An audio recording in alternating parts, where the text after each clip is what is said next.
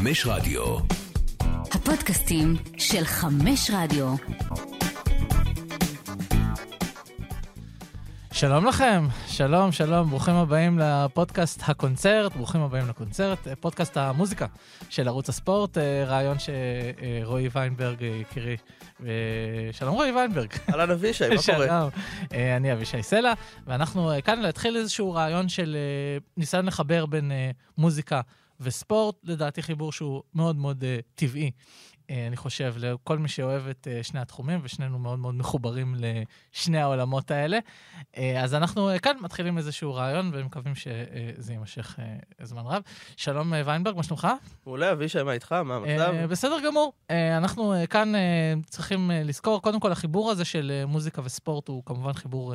תקדימי מאוד, חיבור שלא היה מובן מאליו במשך הרבה זמן, למרות שכל היציאים הם uh, סוג של מוזיקה, והמוזיקה חיה בתוך הכדורגל כל הזמן, אבל לא תמיד ידעו לחבר בין שני העולמות האלה. אני חושב שמי שהצליח לעשות את זה הכי טוב, היה אדם שלא ישמע את הפודקאסט הזה, לצערנו. אולי למעלה יש איזשהו, אה, איזושהי דרך להגיע אליו, וזה מודי ברון, זכרו לברכה. אנחנו מקדישים את הזה, את הפודקאסט הזה לא, בהחלט, כן. כן. כאילו, כמו שאבישי אמר, אני מאמין שבסוף כדורגל או כל דבר אחר זה תרבות באיזושהי רמה, ושירי הציע לא כזה שונים, אתם יודעים, משירי עם.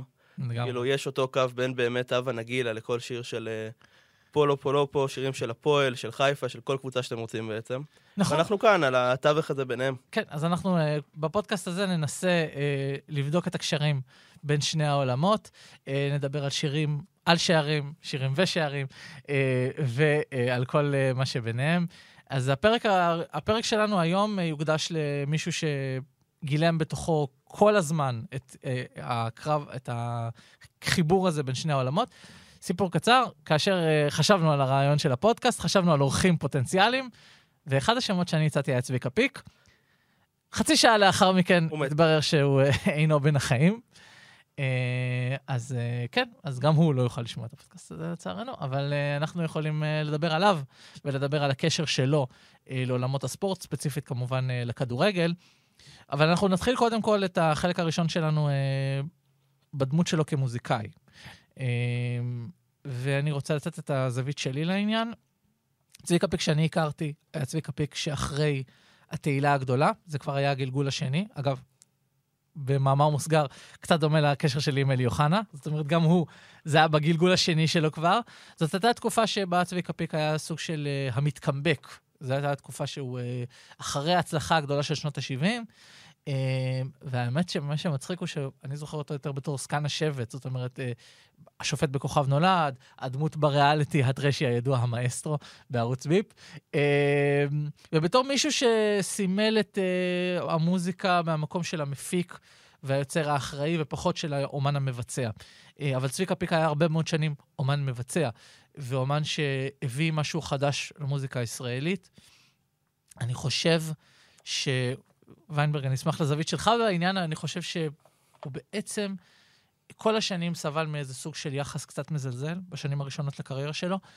אמ, ובעצם לקח שנים עד שהבינו שאפשר לראות אותו בזווית אחרת, אה, והיום קצת מתחרטים על זה, אני חושב. כן, הוא מאוד הקדים את זמנו. אני חושב שגם ב... במקור, ב-70's, הוא כאילו היה כל השינוי מפה באמת צבאי, סטייל הלהקה ודברים מתואמים למשהו הרבה הרבה יותר uh, יצירתי. כאילו, אתה יודע, אחרי שהוא עומד, כולם אמרו אלטון ג'ון או דיוויד בוי. השוואות ימרניות כן, ואחרות. אני רוצה דווקא להביא לך השוואה אחרת בעיניי, שיותר מתחברת לתחום שלנו פה בערוץ הספורט. קצת יוהאן קרויף, בעיניי, פחות או יותר. גם מבחינת תקופות, כאילו, הם, שניהם היה סיבוב ראשון ב-70's, ואז חזרו ב-90's כזה מאחורי הקלעים, בתור מאמן או מלחין. וגם באמת בגישה, שזה כדורגל שהוא סופר מורכב, מוזיקה מאוד מורכבת מבחינה כאילו מלודית וטקטית, אבל זה נראה כל כך פשוט וכל כך כיף וכל כך כאילו טוב, ולכן באמת, כשהלכנו על חיבור בין ספורט ובידור, צביקה פיק היה המועמד המושלם, בטח אם הוא היה פה היום. האמת היא שכן, האמת שזאת השוואה מאוד מאוד יפה. יוהן קרויף גם... Uh, השילוב בין הפשטות למורכבות הוא באמת, uh, באמת מאוד מאוד קיים אצל צביקה פיק. אגב, אחד הדברים שאני הכי גיליתי זה ש... רק בדיעבד, אתה לפעמים מבין כמה שירים הם יותר מורכבים. אני לפני כמה זמן יצא לי לשמוע את אה, אהבה בסוף הקיץ, נניח שיר שהוא נורא נורא פופי ונורא נורא להיטי. מאוד מורכב. וכן, ואז אתה מגלה שיש לו, סו- יש לו פתיח של איזה דקה וחצי שלא ידעתי עליו בכלל, ואתה מבין כמה היצירה שלו הייתה מצד אחד פופית, מאוד מאוד קליטה, מאוד מאוד להמונים, אפרופו קרויף והכדורגל שלו, זאת אומרת גם ברצלונה, שהכדורגל הזה נשאר עד היום באיזשהו מקום. אני חושב שגם צביקה פיק באיזשהו מקום נשאר, הרוח שלו נשארה במוזיקה הישראלית, מאוד השפיעה עליה. ברור, כל פופסטאר היום, אתה יודע, מנועה קירל ועד אה, רן אני- דנקר. לגמרי, לגמרי. כולם, כולם בעצם עולים על הדרך של צביקה פיק באיזשהו מקום אה, סלל.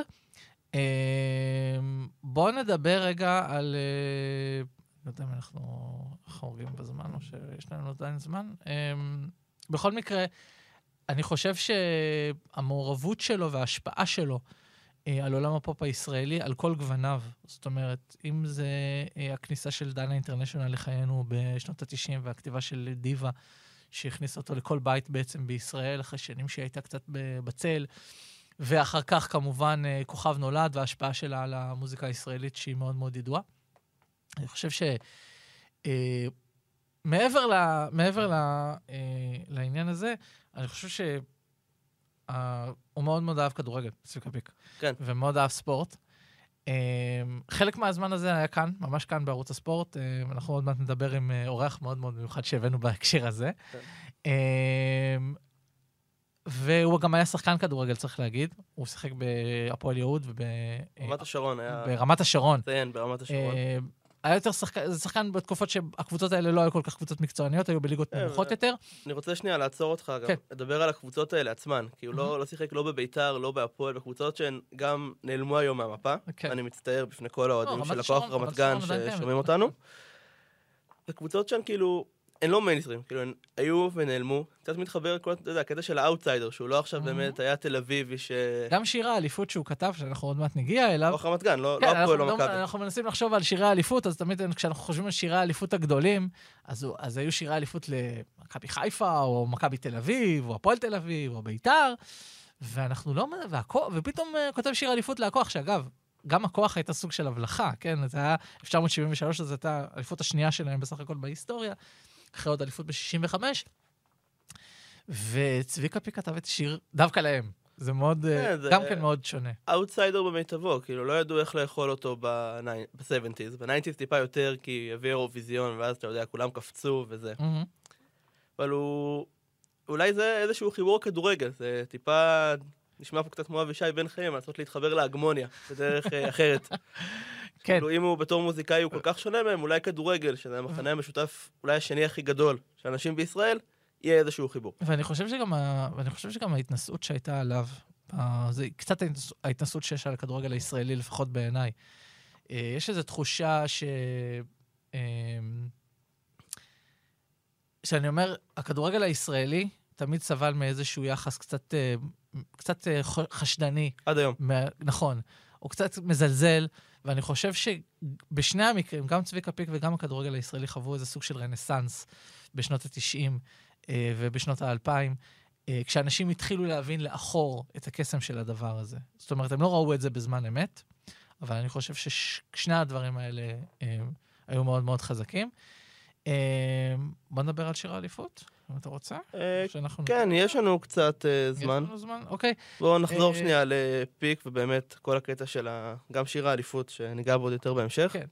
אני חושב, ש... אני חושב שההשוואה שלך ליוהאן קרויף היא מאוד מאוד מעניינת. אני חושב שבאופן כללי גם הדמות שלו, זאת אומרת, הדמות שלו היא קצת דמות של דיבה, כמו כדורגלן. קרויף. כן, קצת דמות של כדורגלן. זאת אומרת, הוא תמיד היה עם השיער המתבדר ברוח והחולצות הקצרות. וה... כן, שלחו לי ממש לפני שבוע תמונה של אה, מרקו קוריה מצ'לסי. שבשיער זה אחד, לא נראה לכם את זה, כי אנחנו תספרת- פודקאסט. תספרת שהקדימה אחד את זמנה. תספרת שהקדימה את זמנה. ובסוף זה אותו אותו עיקרון, זה כאילו fun. מהמם. גם כדורגל, בהנחה שאתם לא לא אתלטיקו מדריד, זה אנשים שבאים ליהנות מהמשחק. כן, ואני חושב שגם צביקה פיק באיזשהו מקום אה, הוציא קצת את המוזיקה מהכבדות המאוד מאוד קשה שלה. בטח בישראל. בטח בישראל, עם כל ההיסטוריה הצבאית והמיליטריסטית, והוציא משהו, ו... והרשה לעצמו לדבר על דברים קטנים, ודברים שהם לכאורה לא חשובים. זאת אומרת, היצירה שלו לא הייתה מאוד, אה, אף פעם לא הייתה פוליטית, אף פעם לא הת- התעסקה בנושאים ברומו של עולם, היא תמיד התעסקה ב... רקדנים אוטומטיים. ואהבה אה, בסוף הקיץ, ושירי אהבה קטנים. אמ, וזאת, וזאת הגדולה שלו בעצם, שמחת, ה, שמחת הדברים הפשוטים. זה גם קרויף, אני מאמין, זה אותו דבר, אתה יודע, כאילו ב sixties היה את הקטנאצ'ו ובונקרים וכדורגל מאוד מהמם. איטי. ואז הוא הגיע עם מסירות קצרות ושואו וניסיון באמת להדהים כמה שיותר אנשים כמה ו- שיותר מהר. ולבדר את הקהל, ולדבר למען הקהל ולמען העם. אה, והכדורגל לא היה אותו כדורגל בלי קרויף. הפופ הישראלי היה הרבה יותר עצוב בלי המאסטרו. והיחס המערכתי אליהם, שוב, זה משהו שמאוד מאוד מעניין. אני חושב שבאיזשהו מקום, אה, הוא אפשר לכדורגל לצאת קצת מהגבולות שלו, להגיע ליותר אנשים, ובמובן הזה, שוב, אני אעשה את ההשוואה לאלי אוחנה, אני חושב שגם אלי אוחנה באיזשהו מקום שבר קצת את גבולות, ה, את גבולות הכדורגל. זאת אומרת, הוא הוציא אותו מעולם הכדורגל שאנחנו הכרנו, של האוהדים השורפים, והופך, והפך להיות סוג של כוכב רוק. ואני חושב שגם צביקה פיק הוציא את המוזיקה לכלל הציבור. אבל אני חושב שזה קצת שונה, כי אלי אוחנה, מכיר אותו יותר טוב ממני, הרבה, הרבה יותר אנשים הזדהו איתו באיזושהי רמה. נכון. לא... אאוטר, אתה יודע, גם המעריצים הכי גדולים של צביקה פיק, אף אחד לא עכשיו הסתובב עם אה, משקפי דוקטור סטרנג'לאב ודיבר במבטא לא ברור. כן, אה, זה נכון באיזשהו מקום. אני כן חושב אבל ש... שנייה. אה, אני כן חושב שבאיזשהו מקום, ההשוואה ביניהם היא סוג של היציאה אה, והפתיחה של המוזיקה ל- לעולמות אחרים. אה, בוא נדבר רגע, בוא נדבר רגע, בוא נדבר רגע כדורגל wise. שנייה. אה, נצא רגע מענייני המוזיקה. צביקה פיק היה שחקן כדורגל? איפה היית ממקם אותו על המגרש הווירטואלי שלנו? האמת, תפקיד שכבר לא קיים היום, משהו style באמת קרויף, או ריקלמה, או מסוט אוזיל. אתה יודע, איזה playmaker כזה, שפשוט עומד בהתקפה, מקבל את הכדור, עושה מה שהוא רוצה, ואם אתה אומר לו שהוא צריך עכשיו ללחוץ את היריב, או לסגור את הקשר האחורי, הוא פשוט יורד מהמגרש. אני חושב, אני חושב שאני אני מדמיין אותו בתור מה שנקרא השחקן החופשי. השחקן שבעצם יש, לו ה, יש לו את היכולת לזוז לכל כך הרבה, לכל כך הרבה תחומים, וצביקה פיק באמת נגע גם בהרבה מאוד סגנונות מוזיקליים לאורך הקריירה שלו. זאת אומרת, גם בדנס, וגם בפאנק ודיסקו. המגבעת, ב-90's. וכמובן רוק, אה, כן, בו כן. המגבעת, היה גם איזו תקופה של איזה להקת. אלמנה שחורה, אני חושב שעשו כן, איתו משהו. היה איזה מין הזיה כזאת. אה, הוא תמיד הרשה לעצמו לצאת מהגבולות של עצמו, וגם לצחוק על עצמו קצת, וגם לא לקחת את עצמו כל כך ברצינות. ואני חושב שזה סוד הקסם שלו, זאת הסיבה שהוא הפך להיות... מה שכולם אה, אוהבים בכדורגל הישראלי, אתה יודע, נכון, פחות או יותר. זה- נכון, יש איזשהו קו בין צביקה פיק לבין אופי לא קונים במכולת. בעיניי. כן, יכול מאוד להיות, ואני חושב גם שבאיזשהו מקום, אה, המסר של צביקה פיק, אולי גם לאוהבי הכדורגל הישראלי בעיניי, ולאוהבי הכדורגל בכלל, why so serious? why so... אה, why so... אה, הוא- כן, אתה היית סבבה, מ- כן. מבטמן, וואי, סו, למה כל כך רציני? למה כל כך רציניים?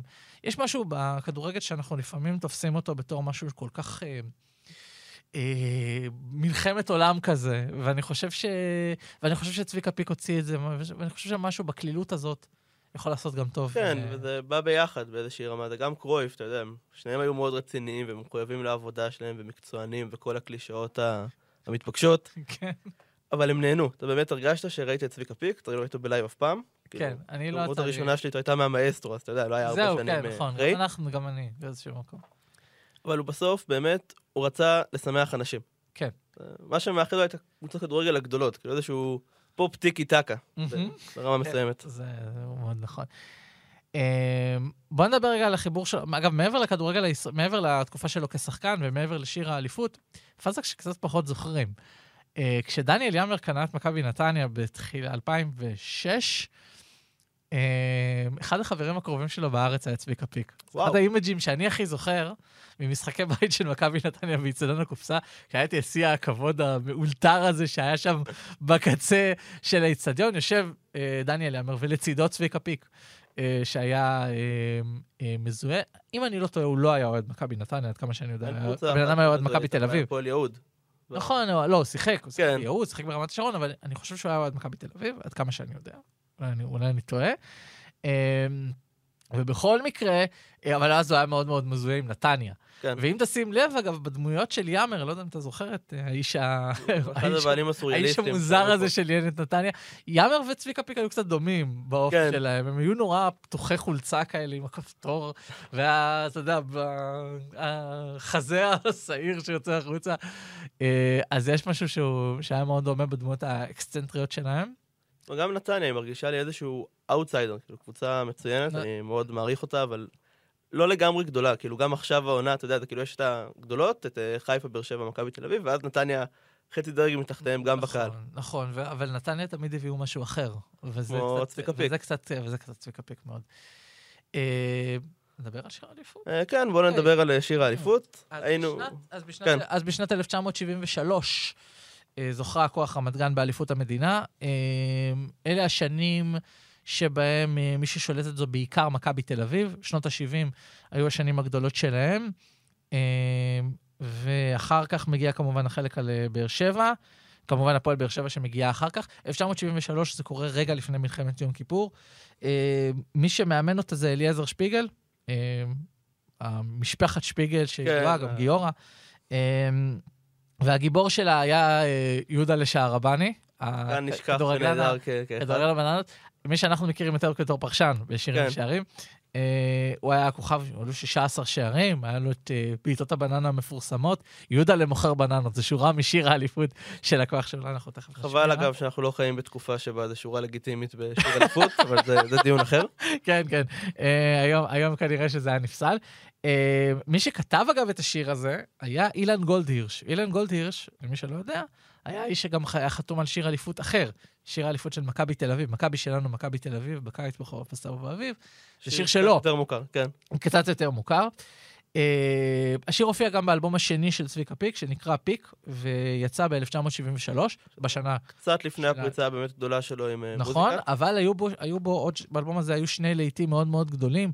אחד זה הרקדן האוטומטי, אולי השיר, אחד השירים הכי מזוהים כן. לצביקה פיק, והשיר השני היה בין האצבעות, וואלה. של אה, רותי נבון, שאחר כך התפרסם בביצוע של רותי נבון, אבל זה היה הביצוע הראשון שלו. אה, קשר נוסף לכדורגל. בין האצבעות, אה, לוקח אותי אישית אה, ל... לשנות ה-90, סוף שנות ה-90, 1999, שישה ביוני.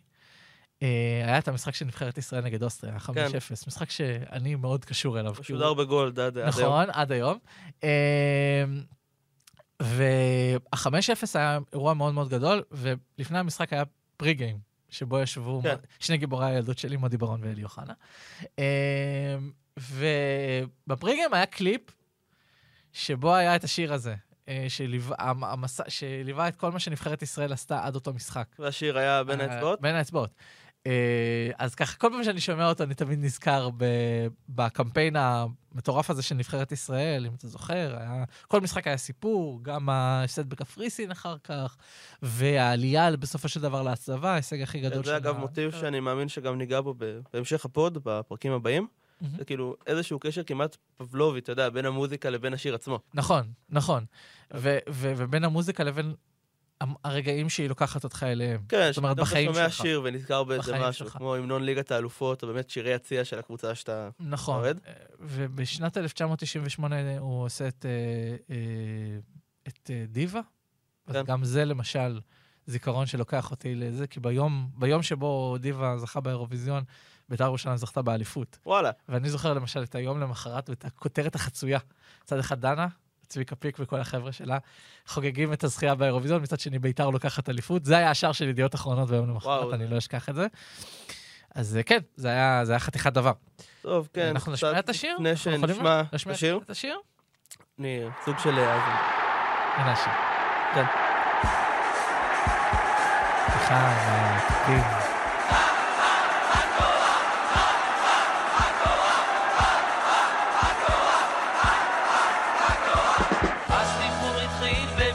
שם קבוצת באר צמחה, אחר כך בפלסטינה, המסורת נמשכה.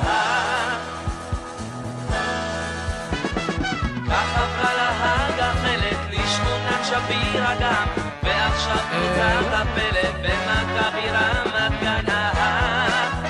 כי הכוח זהו כוח, איך אפשר את זאת לשכוח?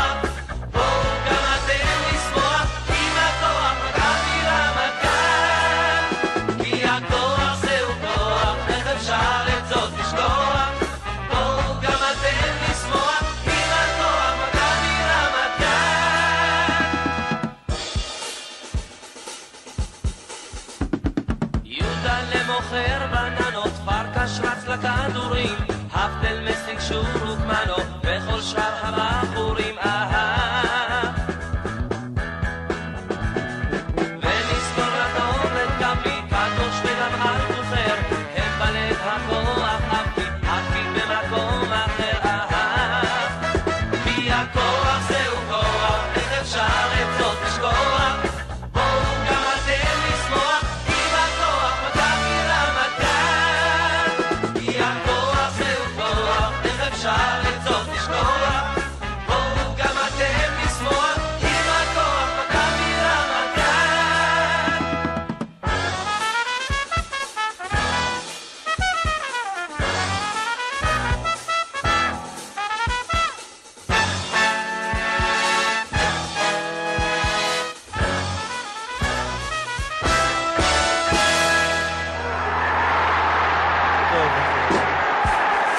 כן, איזה שיר.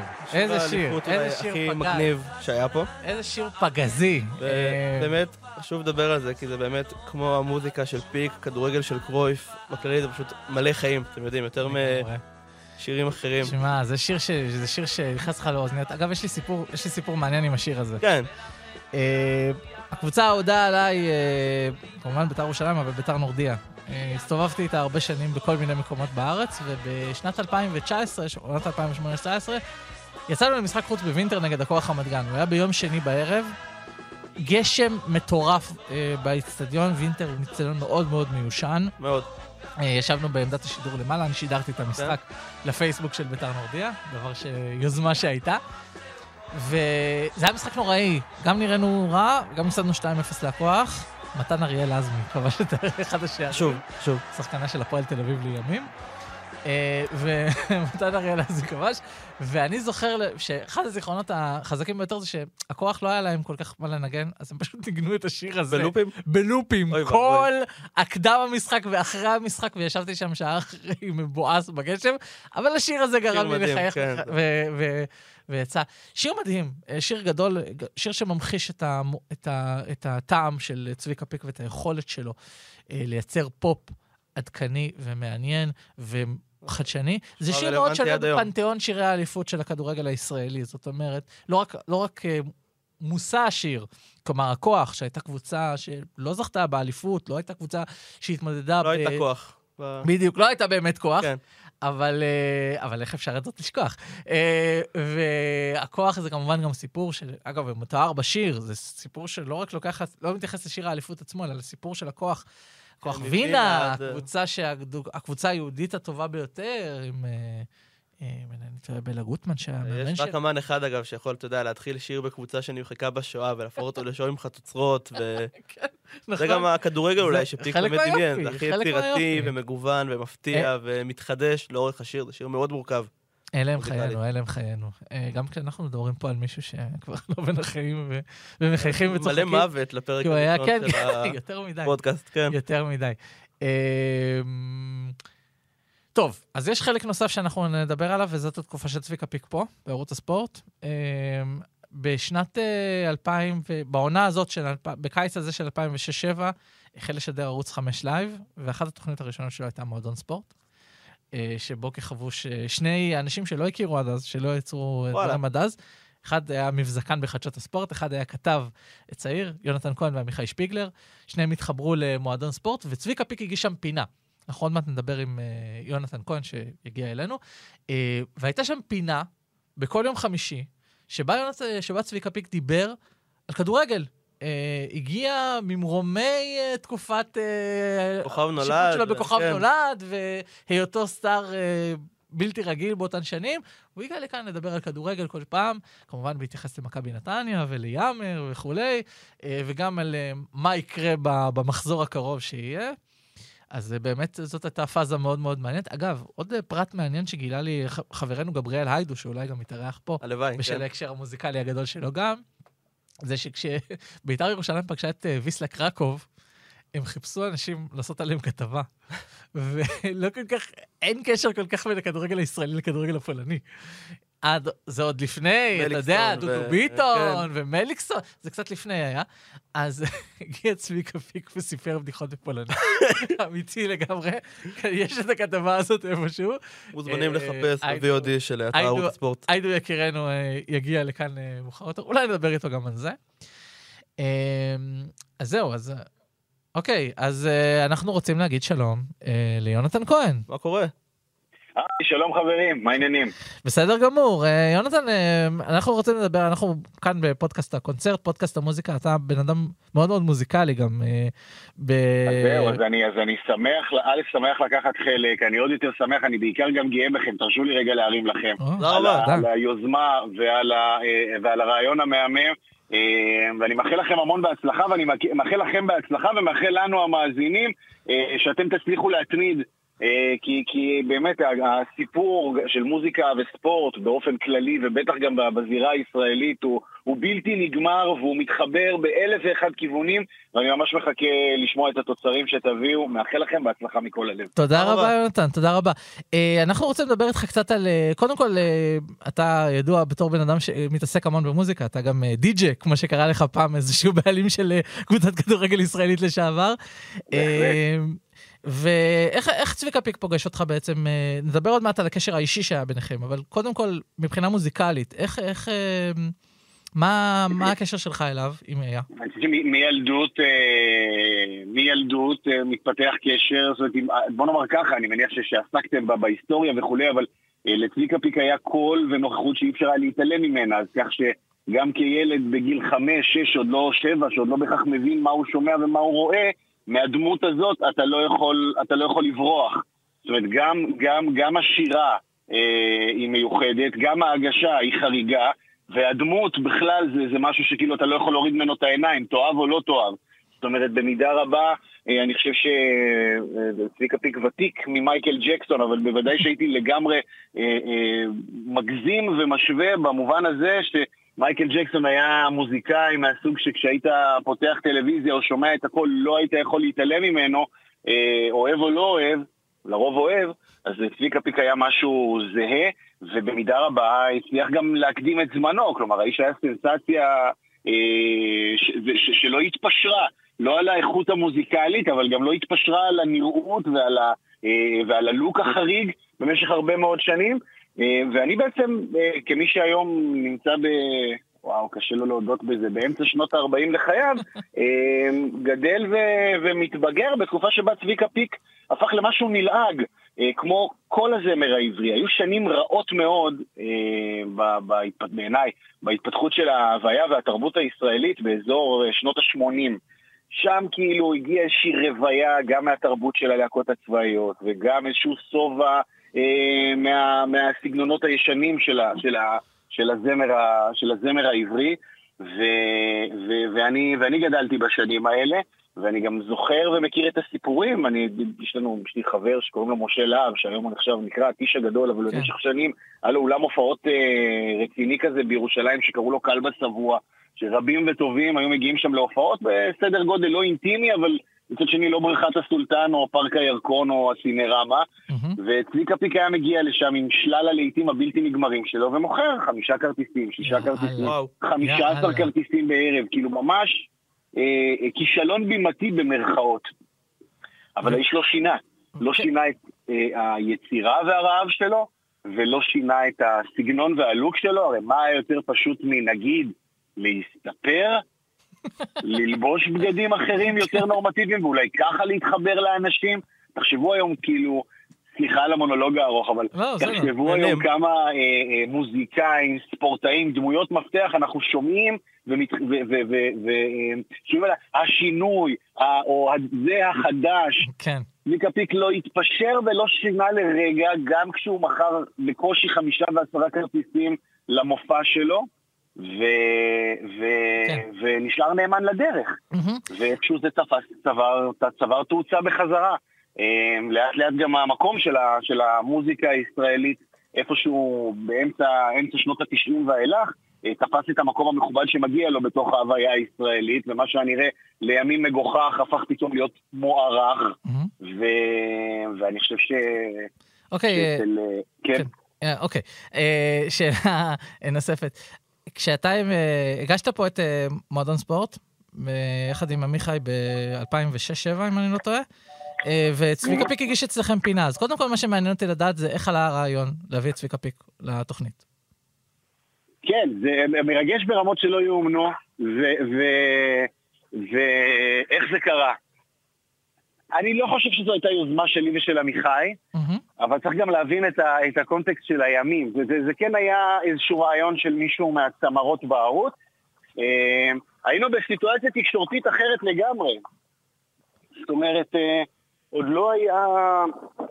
אתרי האינטרנט אה, השונים עוד לא היו אה, במידת העוצמה והאינטנסיביות הסיפורית של, של היום. ו, ו, ובמידה רבה היה, היה איזשהו רצון של אנשים כן לקבל במה ולקבל חשיפה כזו או אחרת. אה, ובמידה רבה לדעתי הייתה איזה סוג של פנייה מהכיוון של, של אנשיו של צביקה פיק, לא יודע אם הוא באופן ישיר, וואלה. או אחד. הסוכנים וכולי, ש... והיינו תוכנית אה, שנגיד התרגום, התרגום נגיד המודרני שלה זה, זה מגרש פתוח. כן. הייתה לנו תוכנית יומית של אה, שעה בערך, אה, שעסקנו בה בכל הנושאים הרחבים שקשורים לספורט, אה, ו, וחיפשנו קולות אחרים. זאת אומרת, קולות שהם מעבר לסטנדרט אה, ש, שקיים אצלנו במסדרונות ביום-יום, דבר שעוד לא כל כך היה אז בערוץ הספורט. ו, ו, והיום נראה לי, אתם יודעים שהם תמיד צוחקים על מגרש פתוח ועל תוכנית הבוקר בשעתו, שהיו מכניסים כבר לאולפן בני דודים ומקורבים וכאלה, כי כבר, כי כבר כולם שחוטים ואין מי שיבוא. אלה היו ימים שנראה לי שאנשים די שמחו להגיע להופיע בטלוויזיה, וזה היה Mhm. די כבוד. ו- וצביקה פיק אה, אשכרה, זכינו, זכינו לטעום מאבק, מאבק הכוכבים שלו. עכשיו איך? נראה לי, אה, אה, אחרי מותו אני יכול לספר לכם שלא השתגענו על התובנות הספורטיביות שלו יותר מדי. צריך להגיד, לא היו עמוקות, אני כאילו גם עכשיו יצא לי קצת לחפור בחומרים וכאלה, לא, לא היו שם אמירות ש- כדורגל. שזעזעו את עולם הספורט, או הוא לא היה מערבב ולא מפטר מאמנים, הוא די נטה להגיד את המובן מאליו. אבל אנחנו ישבנו ליד צביקה פיק, והיו שם שתי מעלות ברור. עיקריות.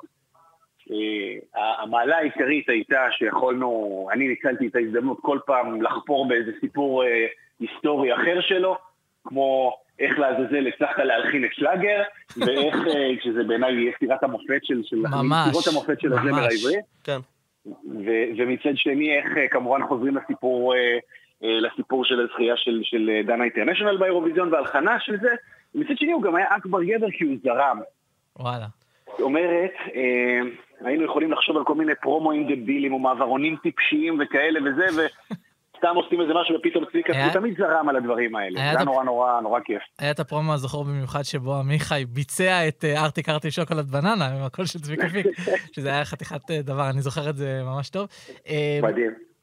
ברמה האישית היה ביניכם קשר? לא ממש, לא ממש. אה, אני נורא התרגשתי, אה, נורא התרגשתי כל פעם אה, לראות אותו, באמת זה גם... היינו שם על המסך, ולא מעט, ולא מעט דמויות ספורטיביות משמעותיות, ורבות, או רובן לא הצליחו באמת לגעת בנו. היה שם, היה שם איזשהו מחסום, זה לא היה אדם שהרגשתי לפחות, אני בנוח, הייתי גם, יש בינינו גם פער גילאים לא קטן, אה, לפצח ולייצר איזשהו משהו חם, אבל שוב, גם, גם הבן אדם לא התבייש בפולניות שלו ובקרירות שלו, זה היה חלק מסימני ההיכר שלו, אה, מבע פנים כזה די קפוא, אה, אז אני לא יכול להגיד ש...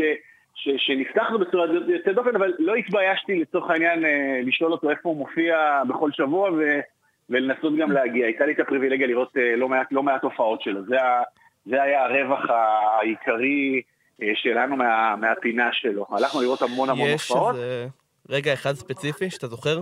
מאחורי הקלעים, מלפני הקלעים, משהו שנשאר בך מצביקה פיק שנים אה, קדימה? זה, זה, זה אגואיסטי לגמרי, אבל יש לנו, יש לנו, יש לי, יש לי זיכרונות כאילו, אתה יודע, שאנחנו שרים ו- ומצלמים איתו קליפים ו- והבן אדם זורם איתנו לגמרי, זה בלתי נתפס בעיניי. אה, אני, אני, אני אקח את זה דווקא לנקודת תורפה מסוימת, וכמובן לא יודע למה אני צריך לחפש את השלילי בסיטואציה כזאת, אבל אה, הדבר היחיד שהפריע לי אצלו זה חוסר ה... זה, איש של טופ, זה הוא ווינר, זאת אומרת, זה, אנשים במושגים של... אה, אם ניקח אותו לעולמות ספורטיביים, זה, זה באמת, זה, זה ברמה של, של, של מייקל ג'ורדן מקומי, מבחינת הכישורים, היכולות וההצלחות.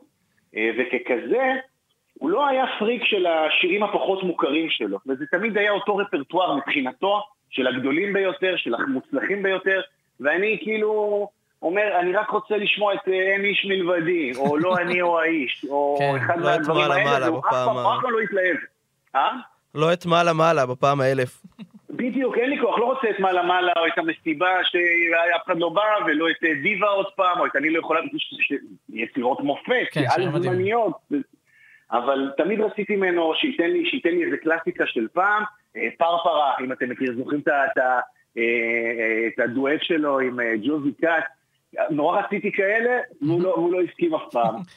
אגב, אז זה הזיכרון שלי ממנו, שהוא סירב לכל הבקשות ההזויות שלי לשירים כאלה, אבל פרט לזה הוא היה איש אדיר. יש, אה, יש גם את הקטע שבו אתם אה, ביצעתם ביחד את אהבה בסוף הקיץ. אה, אני חושב שזה היה בסוף העונה של מועצון ספורט. נכון? נכון, ו-. ו- ו- וכשאנחנו, אני ועמיחי הסתכלנו על זה לפני, לפני שבועיים, לא, באמת, כאילו, הנשימה נעתקה, אמרנו, באמת, what the fuck, כאילו, איזה- איך, איזה איך, רגע, איך, אה? דבר כזה, איך דבר כזה בכלל, בכלל קורה, והוא זורם ושר, ו- וכל זה- חברי המערכת גם, גם מתפרצים שם לחדר. אה, כן, טוב, יש לך, וידאוים שאפשר יהיה להראות אותם. כן, כן, אנחנו כמובן, אה, כן. כמובן אה, נראה את זה. יונתן כהן, תודה רבה לך. תודה רבה. תודה לכם, המון בהצלחה, וכן, תודה לכם שעזרתם לי קצת רבה, אחורה תודה לך. בזמן. והמון שמחנו, בהצלחה. שמחנו לשמוע. בהחלט. תודה רבה לך, ואנחנו אולי ניפגש עוד אה, בעתיד. כן. טוב, אז אנחנו אה, נקצר כאן לדעתי, כן. כן, אנחנו, אה, תודה רבה לכם ששמעתם. אה, אנחנו אה, נסיים אה, בברכה שרק שתמיד נהיה שמחים, ולהתראות בעוד קונצרטים. זה בקונצרט הבא. תודה לכולם.